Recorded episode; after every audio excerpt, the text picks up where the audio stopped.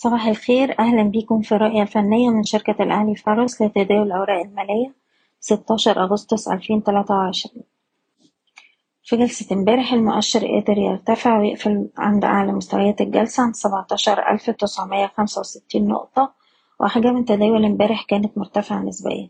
رغم أن المؤشر كون نموذج فني سلبي في خلال جلسة الاثنين في بالفعل عدد كبير من الأسهم المكونة لمؤشر التلاتين قفلت امبارح على تراجع إلا إن المؤشر قدر امبارح يقفل على ارتفاع بدعم من أداء البنك التجاري الدولي.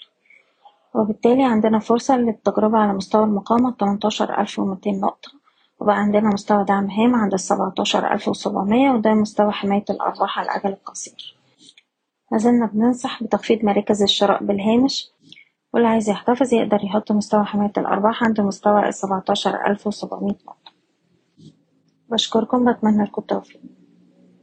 إيضاح الشركة غير مسؤولة عن أي قرارات استثمارية يتم اتخاذها بناء على هذا التسجيل.